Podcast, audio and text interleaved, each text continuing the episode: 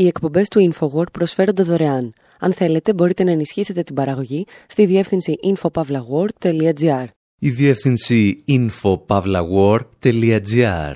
Η εκπομπή InfoWord με τον Άρη Χατζηστεφάνου.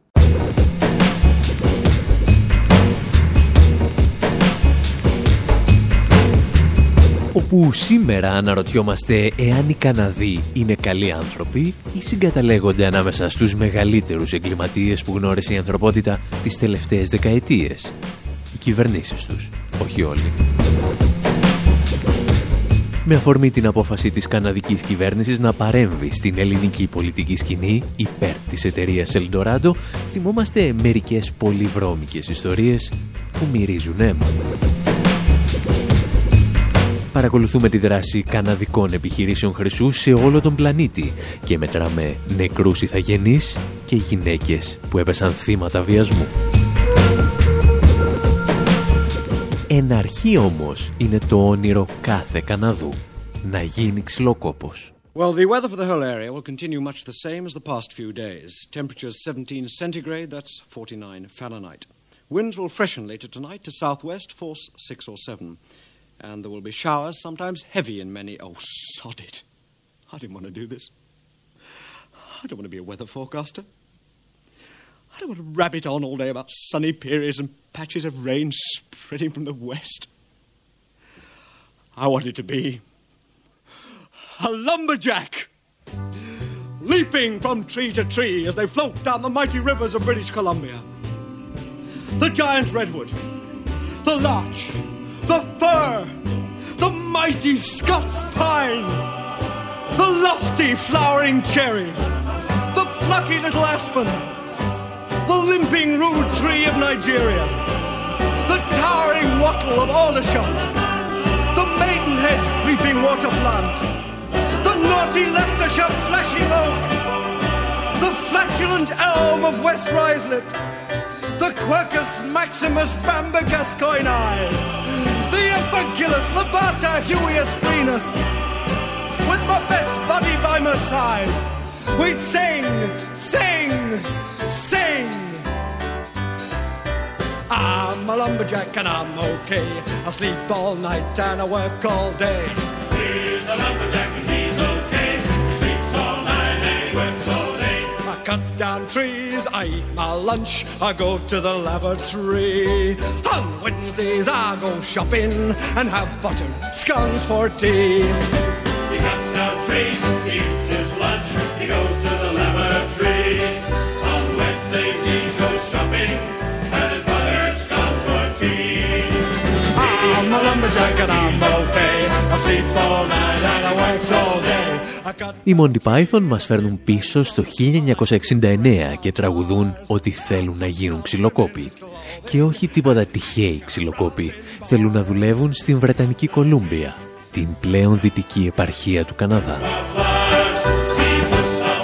Για την ιστορία, αν σας θυμίζει κάτι η μουσικούλα του τραγουδιού, είναι γιατί οι Monty Python την βούτυξαν από την όπερα Don Giovanni του Μότσαρτ. Είναι το κομμάτι La Sintarem da Mano πράξη πρώτη, σκηνή δεύτερη. Εδώ με τον Λουτσιάνο Παβαρότη.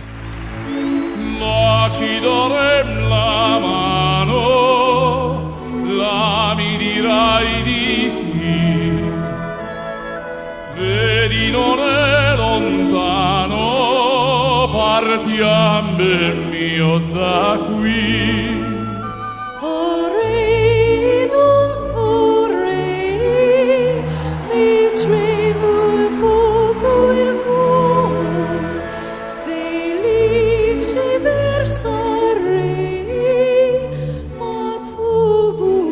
Το πρόβλημα βέβαια με τον Ντον Τζοβάνι του Μότσαρτ, όπως και με τον Καναδό ξυλοκόπο των Μόντι Πάιθον, είναι ότι αλλιώς εμφανίζονται στον έξω κόσμο και αλλιώς είναι στην πραγματικότητα. Για την ακρίβεια, στον ξυλοκόπο της ιστορίας μας αρέσει να φοράει ζαρτιέρες, ψηλά τακούνια και σουτιέν και να βγαίνει σε μπαρ, όπως έκανε λέει και ο μπαμπάς του.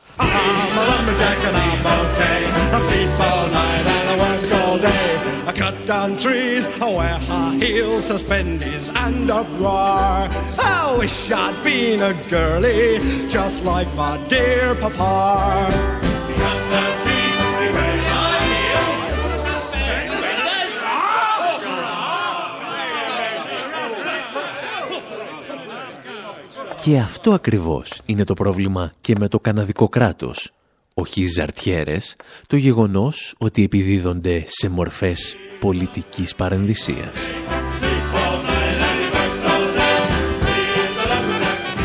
Παρ' όλα αυτά, οι Καναδοί καταφέρνουν, όπως λέμε, να περνάνε κάτω από το ραντάρ.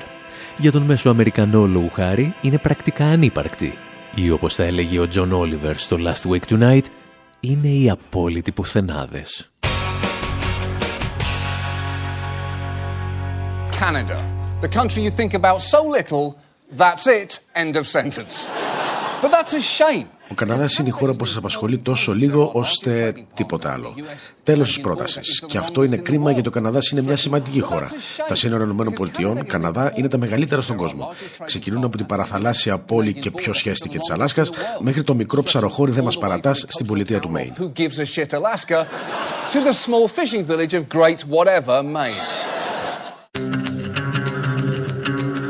Όταν πάλι οι Αμερικάνοι δεν αγνοούν τους Καναδούς, μπορεί και να τους θαυμάζουν. Ο Μάικλ Μουρ, λόγου χάρη, τους επισκέφθηκε στο ντοκιμαντέρ του Bowling for Columbine για να αποδείξει ότι οι Καναδοί δεν σκοτώνονται μεταξύ τους γιατί δεν έχουν τόσα πολλά όπλα στη διάθεσή τους. So the Canadians are pretty much just like us.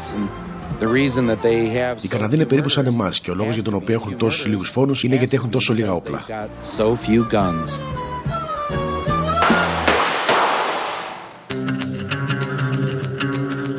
Μερικά χρόνια αργότερα ο Μάικλ Μουρ θα ξανανεύει στον Καναδά. Αυτή τη φορά για να δείξει στους ομοεθνείς του πόσο καλύτερο είναι το σύστημα υγείας της γειτονικής χώρας. So I went across the city to a crowded hospital waiting room. How long did you have to wait here to get help? 20 Εμείς πάλι έχουμε ελαφρώς διαφορετική άποψη. Πιστεύουμε ότι οι Καναδοί είναι αιμοδιψείς δολοφόνοι. Και όταν φυσικά λέμε οι Καναδοί, αναφερόμαστε στην κυβέρνηση και στο κράτος του Καναδά. Αυτά όμως σε λιγουλάκι, γιατί τώρα θα ακούσουμε ίσως το σημαντικότερο συγκρότημα που μας έδωσε ο Καναδάς τα τελευταία χρόνια, τους Godspeed You, Black Emperor.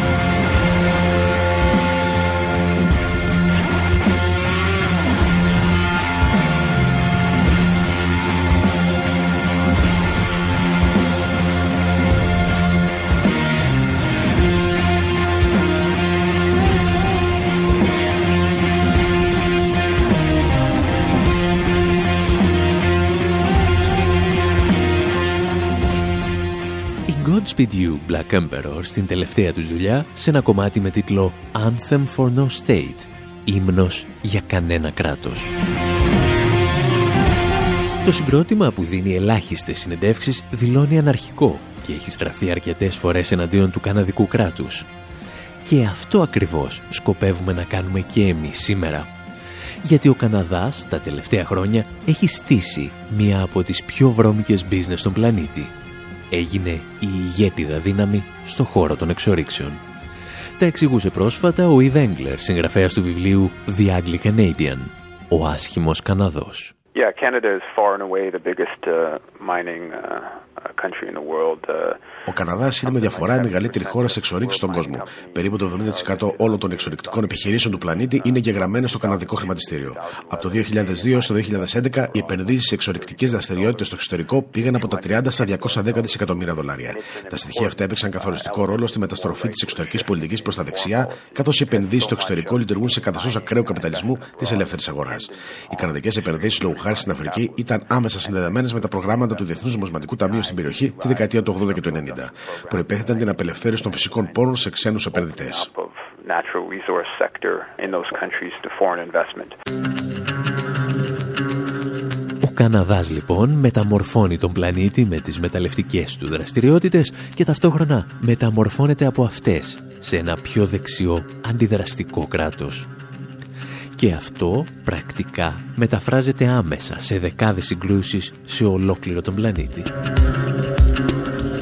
Όπως εξηγούσε ο Eve Engler στο ανεξάρτητο δίκτυο Real News Network, δεν υπάρχει μία χώρα στο νότιο ημισφαίριο που να μην έχει υποφέρει από τις μεταλλευτικές δραστηριότητες κάποιας καναδικής εταιρείας. In the case of Goldcore in, uh, in Guatemala, uh, they've been Στην περίπτωση της εταιρείας Goldcorp στη Γουατεμάλα υπήρξε ιδιαίτερα βίαιη σύγκρουση με την τοπική κοινωνία. Στην περίπτωση της Αργεντινής, η Υπουργός Περιβάλλοντος είχε καταγγείλει ότι η καναδική εταιρεία Barry Colt εξαγόραζε αξιωματούχους στο Υπουργείο της και απειλούσε τα μέλη του γραφείου της και την ίδια. Στην περίπτωση του Μεξικού, μια καναδική εταιρεία είναι πλάκη στην δολοφονία μελών των τοπικών κοινότητων. Δεν υπάρχει ούτε μια χώρα του Νότου στην οποία να μην βρεις μια καναδική εταιρεία η οποία πυροδότησε τοπικές συγκρούσεις. that has spurred uh, uh, social conflict. Στην Αργεντινή λοιπόν μια εταιρεία από τον Καναδά εξαγόραζε πολιτικούς και υπαλλήλους υπουργείων. Άκου να δεις τι συμβαίνει στην άλλη άκρη του κόσμου. Εμείς όμως θέλουμε να γυρίσουμε λίγο στην πρώτη περίπτωση που αναφέρθηκε, στην Γουατεμάλα. Για αυτήν είχε να μας πει περισσότερες λεπτομέρειες ο ακτιβιστής Graham Russell από την οργάνωση Rights Action που δραστηριοποιείται στην Κεντρική και την Νότια Αμερική. very devastating stories, um, particularly uh, Goldcorp Inc. is a huge. Υπάρχουν συγκλονιστικές ιστορίες, ιδιαίτερα για την Goldcorp, μια τεράστια εταιρεία εξόρυξης χρυσού στον Καναδά που χρησιμοποιεί και άνιο ανοιχτά ορυχεία στη Γουατεμάλα και την Ονδούρα. Έχουν καταγραφεί σημαντικές καταστροφές για το περιβάλλον αλλά και την υγεία των κατοίκων. Ειδικά στην περίπτωση της Γουατεμάλας υπάρχει μακρά λίστα ανθρώπων που δολοφονήθηκαν. Πρόκειται για ηθαγενείς οι οποίοι βιώνουν ένα καθεστώς καταπίεσης επειδή αντέδρασαν σε επιβλαβείς συνέπειες και την παραβίαση της νομοθεσίας. Suffered repression because they're opposing the harms and violations. We are dealing with a company, a series of Canadian nickel mining companies, the, the latest of which is Hudbay Minerals. Υπάρχουν επίσης πολλά περιστατικά με εταιρείες από τον Καναδά που ασχολούνται με τον νικέλιο, όπως η Handy Minerals. Για αρκετές δεκαετίες προσπαθούσαν να απομακρύνουν κοινότητες ηθαγενών από τα ανατολικά της Γουατεμάλας. Πρόκειται για περιστατικά τρομακτικής βίας. Σε περίπου έξι περιπτώσεις, ολόκληρα χωριά κάηκαν ολοσχερός. Μιλάμε για πολύ φτωχούς ανθρώπους που ζουν σε καλύβες από μπαμπού. Η αστυνομία, ο στρατός αλλά και ιδιωτικές εταιρείες, τις οποίες προσέλαβε η καναδική εταιρεία, πήγαν και έκαψαν τα χωριά. Σε μια περίπτωση βίασαν 11 γυναίκες ηθαγενών προκειμένου να τους εξαναγκάσουν να εγκαταλείψουν την περιοχή. Μερικά χρόνια αργότερα, η ιδιωτική εταιρεία Security στοχοποίησε τον επικεφαλής μιας τοπικής κοινότητας. Του έκαψαν τα άκρα με μια ματσέτα και στη συνέχεια τον πυροβόλησαν. Grabbed in front of eyewitnesses, machete hacked, and then shot to death. Ο Γκράχαμ Ράσελ έχει ταξιδέψει σε αρκετές χώρες της Κεντρικής και Νότιας Αμερικής όπου οι καναδικές μεταλλευτικές εταιρείες αποτελούν κράτος εν κράτη. Οι εταιρείες όμως, εξηγούσε πριν από μερικά χρόνια στον δημοσιογράφο Τζακ Έτκιν, δεν έχουν πάντα τον τελευταίο λόγο. In the case of El Salvador, we don't work as much in El Salvador as we do in Guatemala and Honduras. But Δεν εργαζόμαστε τόσο πολύ στο Ελ Σαβαδόρ, αλλά γνωρίζουμε την περίπτωση της καναδικής εταιρείας Pacific Rim, η οποία επιχείρησε να ανοίξει ένα ορυχείο χρυσού. Υπήρξε ένα επιτυχημένο κίνημα που κατάφερε να σταματήσει αυτή την παράνομη δραστηριότητα της εταιρείας. Πέντε μέλη της τοπικής κοινότητας όμως δολοφονήθηκαν. Πρόκειται για βάναυσες μάχες που δίνονται σε περιοχές που εργαζόμαστε. Struggles going on in the cases that we're working on.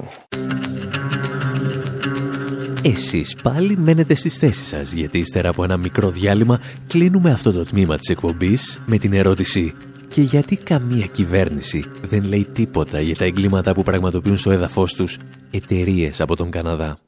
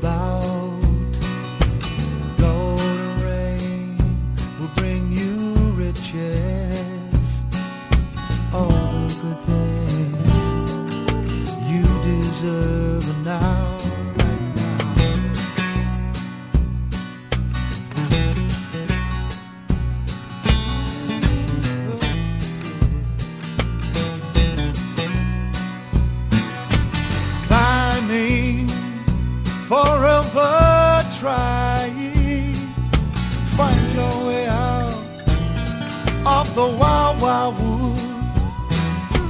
Now there's no justice. You've only yourself that you can trust.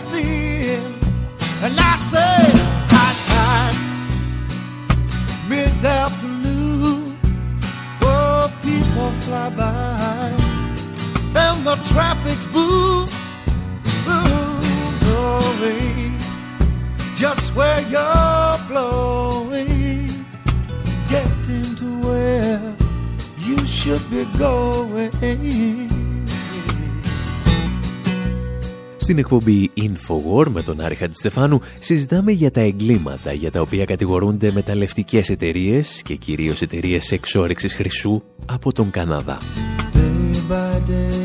Ακούσαμε για τις μαζικές φαγές, τις εκτελέσεις και τους βιασμούς που πραγματοποιούν υπάλληλοι ή συνεργάτες αυτών των εταιριών όποτε υπάρχουν ισχυρές αντιδράσεις στη μεταλλευτική δραστηριότητα. Και το ερώτημα είναι, γιατί οι χώρες στις οποίες πραγματοποιούνται αυτά τα εγκλήματα δεν αντιδρούν; Ένας λόγος είναι ότι δεν μπορούν να απευθυνθούν στα δικαστήρια του Καναδά για τα εγκλήματα των καναδικών επιχειρήσεων.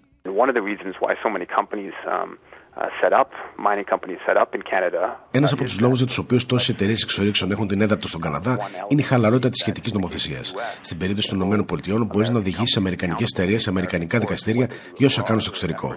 Αυτό δεν γίνεται στον Καναδά. Και όσες φορές επιχειρήθηκε να εισαχθεί αμερικανική πρακτική στον Καναδά, την μπλόκαραν σε επιτροπές της Βουλής.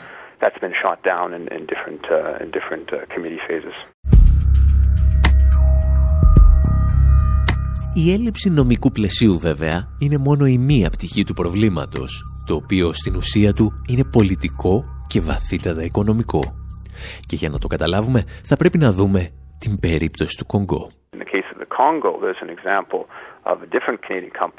Uh, Στην περίπτωση του Κονγκό υπάρχει παράδειγμα καναδικής εταιρείας η οποία ανεπλάκει στη σφαγή περίπου 100 ανθρώπων. Η εταιρεία παρήχε τα οχήματα και άλλες διευκολύνσεις σε αξιωματούχου στρατού, οι οποίοι σκότωσαν δεκάδες ανθρώπους που αντιδρούσαν σε εξορίξεις. Προφανώς τα δικαστήρια στο Κονγκό δεν άσκησαν διώξεις, καθώς υπήρχε μεγάλη εμπλοκή της κυβέρνησης.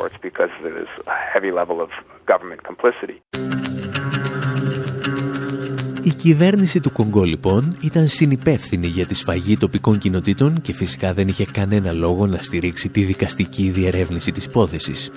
Υπήρχε όμως και μία άλλη μικρή λεπτομέρεια. Σύμφωνα με τον Eve Enkler, το 2009 η κυβέρνηση του Κονγκό επιχείρησε να αφαιρέσει την άδεια της καναδικής εταιρείας First Quantum Εκείνη την περίοδο, το κλαμπ του Παρισιού είχε αποφασίσει να διαγράψει μεγάλο μέρος από το χρέος του Κονγκό, το οποίο θεωρούνταν απεχθές, αφού είχε δημιουργηθεί στα χρόνια της δικτατορίας του Μομπούτου. Η κυβέρνηση του Καναδά όμως είχε άλλη άποψη. πήγε στο κλαμπ του Παρισιού και κατάφερε να μπλοκάρει προσωρινά τη διαγραφή του χρέους, έως ότου το Κονγκό να επέτρεπε στην εταιρεία του να συνεχίσει τις δραστηριότητές της. Και αν σας θυμίζουν κάτι όλα αυτά, είναι γιατί είστε κακεντρεχείς και πιστεύετε ότι ο Καναδός υπουργός Εμπορίου και η πρεσβεία του Καναδά μπορεί να παρεμβαίνει σε όποια χώρα του κόσμου θέλει. Και ίσως να το πιστεύετε, γιατί γνωρίζετε ότι αν έχεις μάθει να χειρίζεσαι χώρες του τρίτου κόσμου, είσαι έτοιμος να κινηθείς και στο εσωτερικό της Ευρωπαϊκής Ένωσης.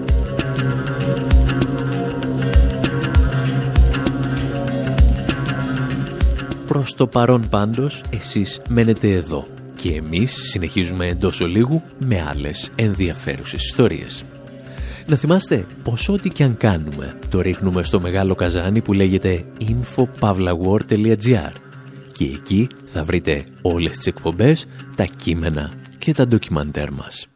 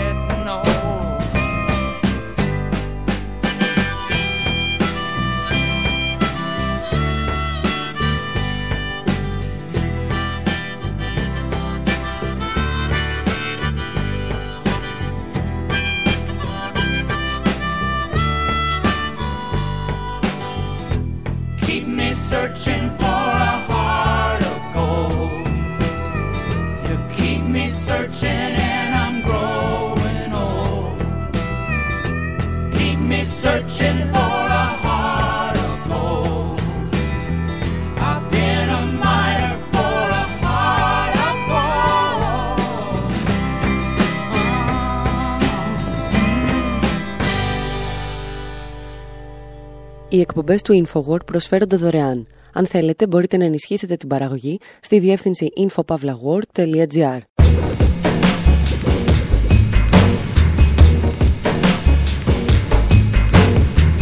Εκπομπή InfoWord συνέχεια. Όπου σήμερα τραγουδάμε για τους χρυσοθύρες του χθες και του σήμερα. Διηγούμαστε ματηρές ιστορίες από την αρχαία Ρώμη μέχρι τη σύγχρονη Χαλκιδική. Βάζουμε στην παρέα μας τον Τσάρλι Τσάπλιν, τον Τζόνι Κάς, μερικούς Ινδιάνους και κάτι Κινέζους. βλέπουμε τις πρώτες ειδικές οικονομικές ζώνες και την παραδειγματική τιμωρία όσων τολμούν να τις αμφισβητήσουν με ιστορίες του Neil Young. Συζητάμε δηλαδή για τα Ελντοράντο του παρελθόντος και του μέλλοντος. Και ξεκινάμε με ένα οριακά σχετικό τραγούδι που μας έδωσε την έμπνευση για αυτό το χρυσοθυρικό ταξίδι στο χώρο και το χρόνο. Οι Midlake τραγουδούν το Acts of Man.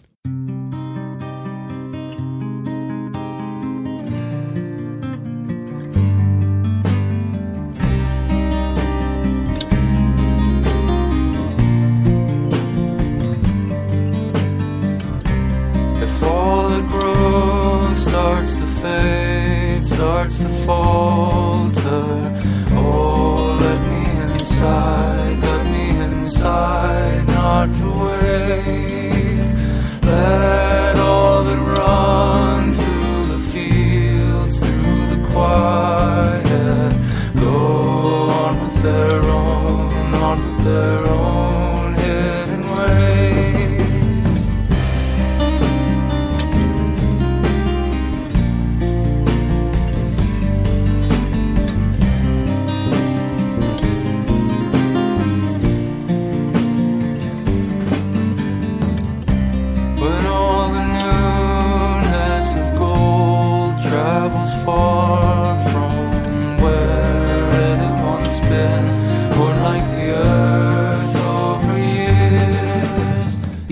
Γενιοφόροι κύριοι που ακούτε είναι μια παρέα από το Τέξας, η οποία ξεκίνησε να σπουδάζει jazz, στην πορεία διαπίστωσε ότι της άρεσαν πολύ περισσότερο η Jethro Tull και η Radiohead και τελικά κατέληξε να δανείζεται στοιχεία από την αμερικανική folk σκηνή.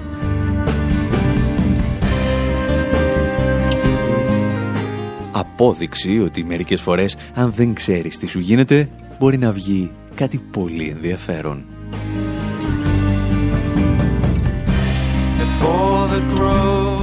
Οι γενιοφόροι κύριοι ακούνε συλλογικά στο όνομα Midlake και αρκετά από τα τραγούδια τους γράφονται για την καταστροφή του περιβάλλοντος.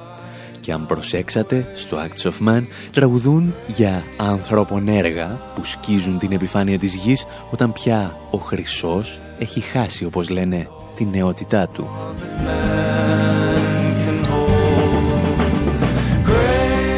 Ένας διαφορετικός τρόπος για να περιγράψεις την φυσική καταστροφή που αφήνει πίσω της η εξόρυξη χρυσού σε αρκετά σημεία του πλανήτη. Και αυτή τη βρώμικη και αιματηρή ιστορία σκεφτήκαμε να σας διηγηθούμε σήμερα.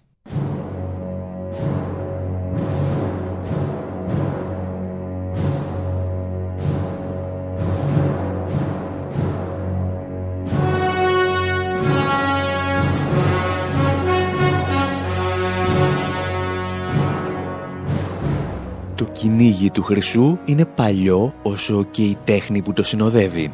Από τα πρώτα χρυσά έργα τέχνης που κατασκευάστηκαν πριν από περίπου 7.000 χρόνια στην νεκρόπολη της Βάρνας, στη σημερινή Βουλγαρία.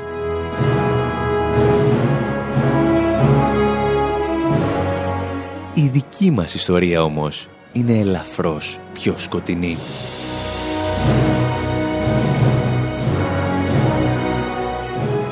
Αν έχετε επισκεφθεί τη Ρώμη, ίσως να θυμάστε την περίφημη στήλη του Τραϊανού, η οποία στέκει περήφανα σε ύψος 30 μέτρων. Ήταν ένα από τα έργα με τα οποία η Ρωμαϊκή Γερουσία τίμησε το 113 μετά Χριστόν τον αυτοκράτορα Τραϊανό για την εκστρατεία του στη Δακία. Μια περιοχή με πλούσια κοιτάσματα χρυσού στη σημερινή Ρουμανία, κάπου στα Καρπάθια.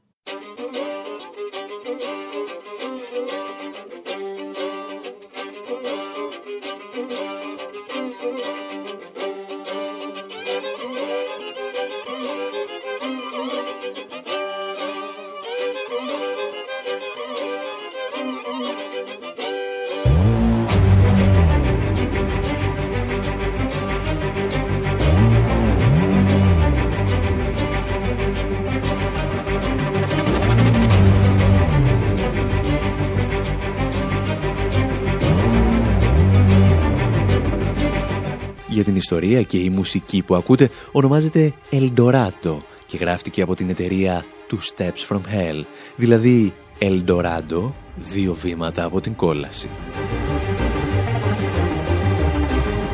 Άσχετο, ειλικρινά δεν ξέρουμε πώς μας ήρθε.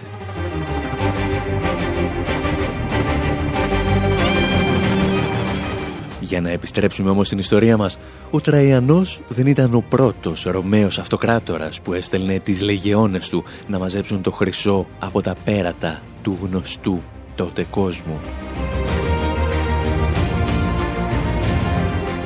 Ο αυτοκράτορας Κλάβδιος είχε προλάβει να στείλει τέσσερις ρωμαϊκές λεγεώνες για να καταλάβουν τη Βρετανία, μεταξύ άλλων και για το χρυσάφι της.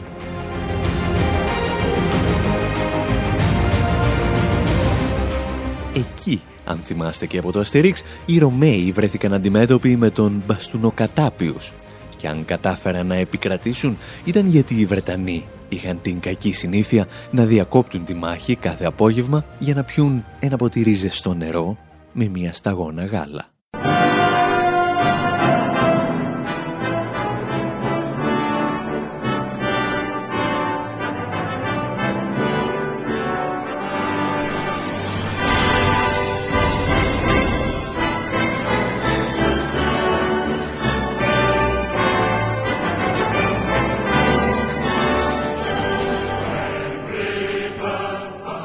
Οι Βρετανοί πάντως όταν θα γίνουν και αυτή η αυτοκρατορία δεν είναι τόσο ευγενικοί όσο τους παρουσίαζε ο Γκοσινή στο Αστερίξ. Το 19ο αιώνα ετοίμασαν το στρατό τους και τον έστειλαν να πολεμήσει για το Χρυσάφι στο δεύτερο πόλεμο των Μπόερς στη σημερινή Νότια Αφρική.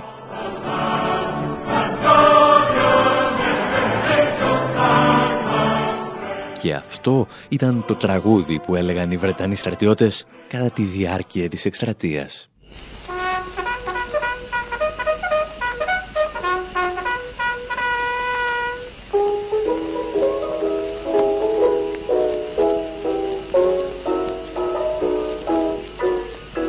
I have come to say goodbye, Dolly Gray. It's no use to ask me why, Dolly Gray. There's a murmur in the air, you can hear it everywhere. It is time to do and dare, Dolly Gray. Don't you hear the tramp of feet, Dolly Gray? Sounding through the village street, Dolly Gray. Το Goodbye Dolly Gray του Will Comp, αν και γράφτηκε στη διάρκεια του Ισπανοαμερικανικού πολέμου του 1898, θα γίνει άτυπος ύμνος των Βρετανών στρατιωτών στον πόλεμο των Boers, ένα χρόνο αργότερα.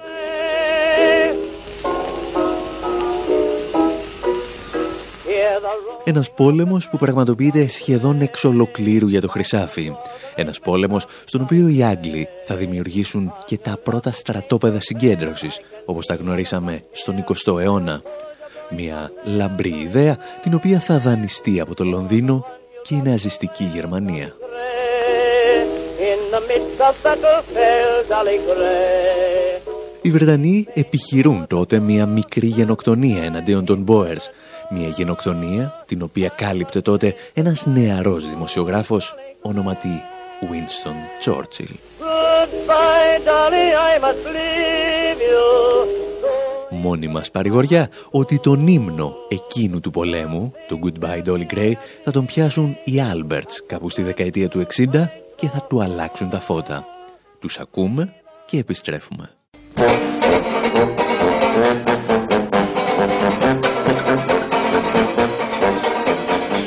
To say goodbye, Dolly Gray. There's no need to ask me why, Dolly Gray. There's a murmur in the air. During this record, Professor Bruce Lacey will be doing such capital things as sword swallowing, fire eating, and juggling. Unfortunately for you, dear listener, all these accomplishments are silent. Not marching feet in a uniform so neat. So it's goodbye Красный.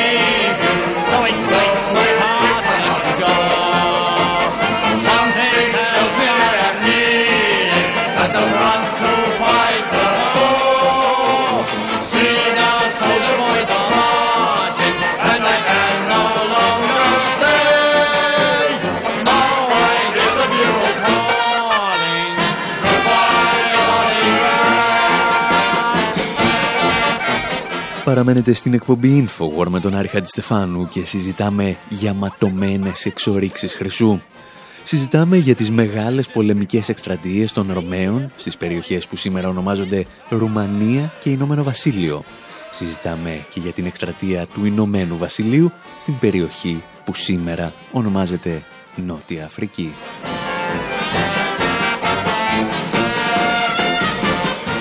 Αυτές όμως, όπως είπαμε, ήταν μεγάλες πολεμικές επιχειρήσεις. Αυτό που σήμερα μας αφορά περισσότερο είναι τι γίνεται όταν πηγαίνουν σε μια ξένη περιοχή με μονομένοι χρυσοθύρες και εταιρείες. Και εδώ ξεκινά μια άλλη πονεμένη ιστορία.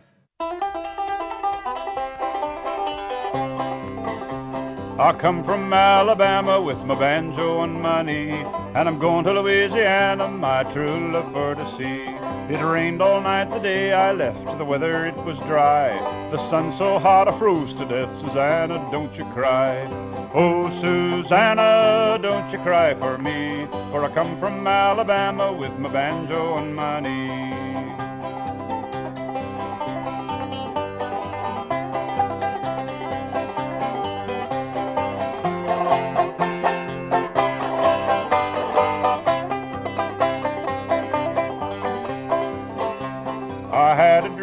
Other night when everything was still.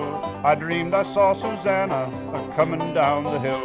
Αν οι Βρετανοί στρατιώτες είχαν σαν άτυπο ύμνο τους το Goodbye Dolly Gray στην άλλη πλευρά του Ατλαντικού, μια ολόκληρη γενιά από χρυσοθύρες αποφάσισε να κινηθεί προς την Καλιφόρνια τραγουδώντας αυτόν εδώ το σκοπό, το «Ο Σουζάνα». Βρισκόμαστε στο 1848 και κάποιος James Marshall ως περπατούσε είδε κάτι να γυαλίζει. Ένα χρόνο αργότερα άρχισαν να καταφθάνουν σταδιακά στην περιοχή 300.000 μετανάστες από ολόκληρο τον πλανήτη. Αναζητούσαν το δικό τους Ελντοράντο, τα δικά τους κοιτάσματα χρυσού.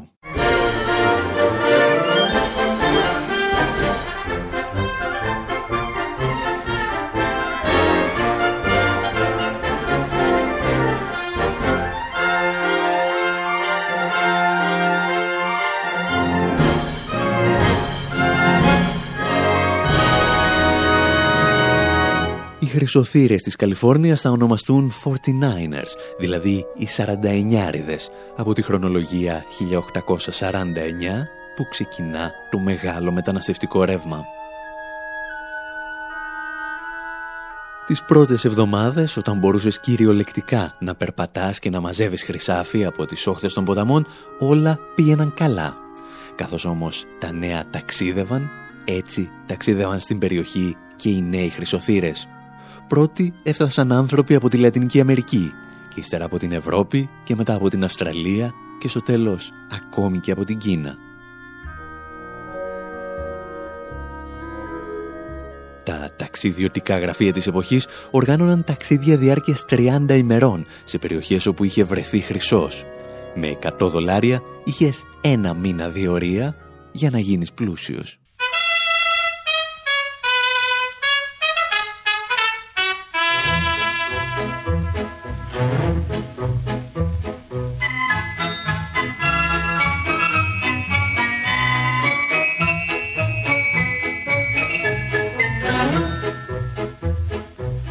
Και η Καλιφόρνια δεν ήταν ο μόνος προορισμός για χρυσοθύρες. Άλλοι 100.000 χρυσοθύρες κινήθηκαν προς τον παγωμένο Κλοντάικ. Τα εξηγούσε ο Τσάρλι Τσάπλιν όταν στη δεκαετία του 40 θα κάνει το σπικάζ για την ταινία του «Ο Χρυσοθύρας», την οποία είχε γυρίσει το 1925.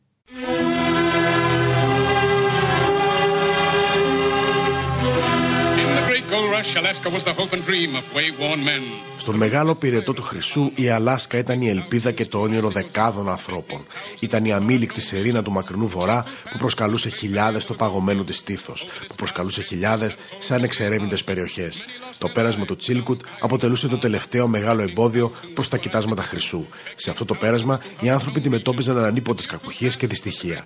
Πολλοί έχασαν τη ζωή τους πέφτα στο κενό, άλλοι έχασαν το κουράγιο τους και γύρισαν πίσω. Οι γενναίοι όμως προχωρούσαν.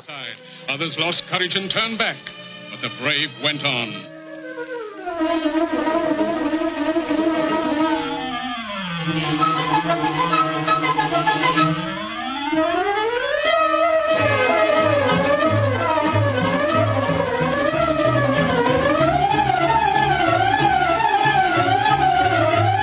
Και ένας από τους γενναίους που προχωρούσαν ήταν και ο δικός μας, Σαρλό.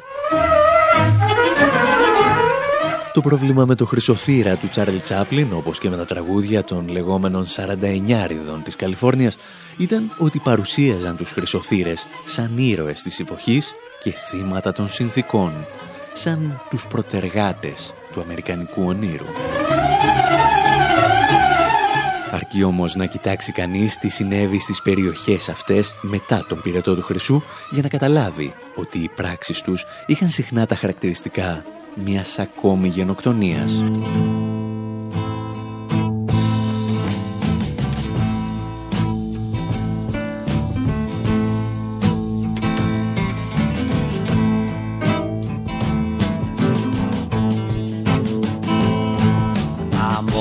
Tom Moore from the bummer shore in the good old golden days.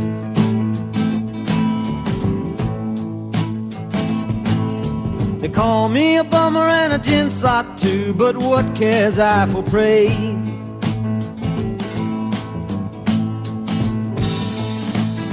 I wander around from town to town, just like a roving sign. And all the people say there goes Tom Moore in the days of 49.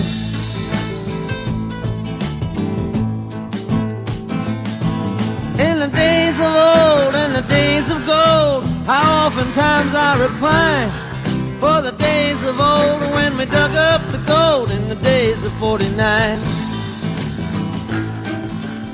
Ο Μπομπ Ντίλαν διασκευάζοντας τις ημέρες του 49 τραγουδά για μια παρέα περήφανων χρυσοθύρων που διαλύεται αφήνοντας τον πρωταγωνιστή της ιστορίας μας να περιπλανιέται σαν ζητιάνος εκεί όπου κάποτε χτυπούσαν οι φλέβες του πυρετού του χρυσού. He would empty up and draw his Το πρόβλημα είναι ότι η αληθινή ιστορία ήταν ελαφρώς διαφορετική. Η ιστορία που δεν διδάσκεται στα αμερικανικά σχολεία, αλλά καταγράφεται στα βιβλία ιστορικών και συγγραφέων, όπως ο Χάουαρτ Τζιν. Όπως είπαμε, οι πρώτοι χρυσοθύρες που φτάνουν στην Καλιφόρνια το 1848 μαζεύουν το χρυσάφι σχεδόν κυριολεκτικά από το δρόμο. Μέσα σε λίγους μήνες όμως, τα πράγματα δυσκολεύουν.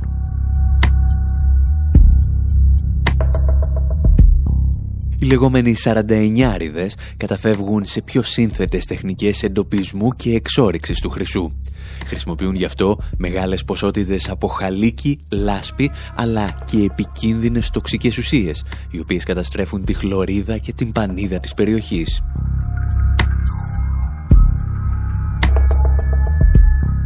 Και το πρόβλημα είναι ότι στις περιοχές που επισκέπτονται δεν είναι μόνοι τους.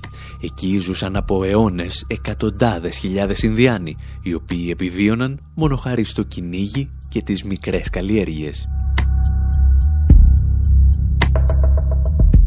Οι τεχνικές εξόρυξης χρυσού προκαλούν κύματα λοιμού στον τοπικό πληθυσμό που αποδεκατίζεται.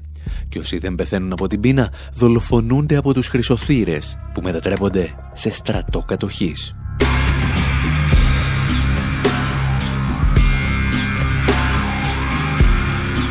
Αρχικά οι ντόπιοι απομακρύνονταν από τις αιστείες τους με βία από γκρόμ, προκειμένου να βρεθεί χώρος εστίασης και καλλιέργειας για τους νέους χρυσοθύρες.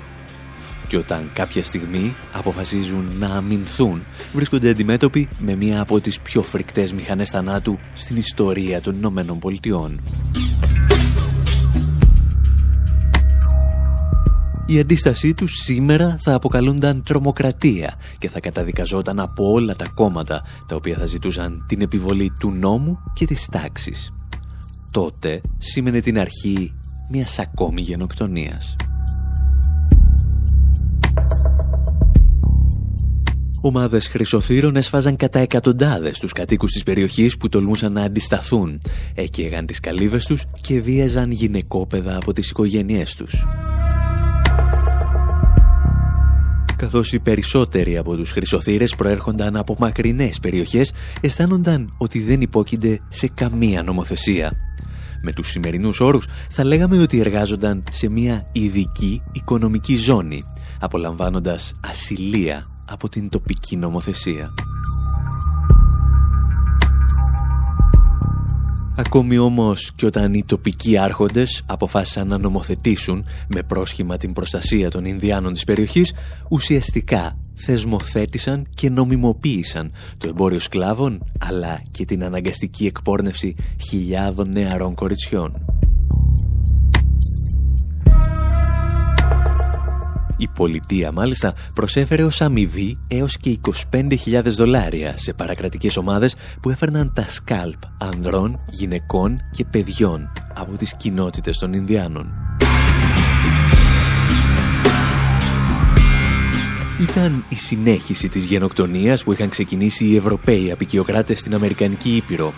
Απικιοκράτες όπως ο Χερνάν Κορτέζ, ο Κορτέζ ο Φωνιάς, για τον οποίο τραγουδούσε ο Νίλ Μέχρι την επόμενη εβδομάδα πάντως, από τον Άρη Χατζηστεφάνου στο μικρόφωνο και τον Δημήτρη Σαθόπουλο στην τεχνική επιμέλεια, γεια σας και χαρά σας.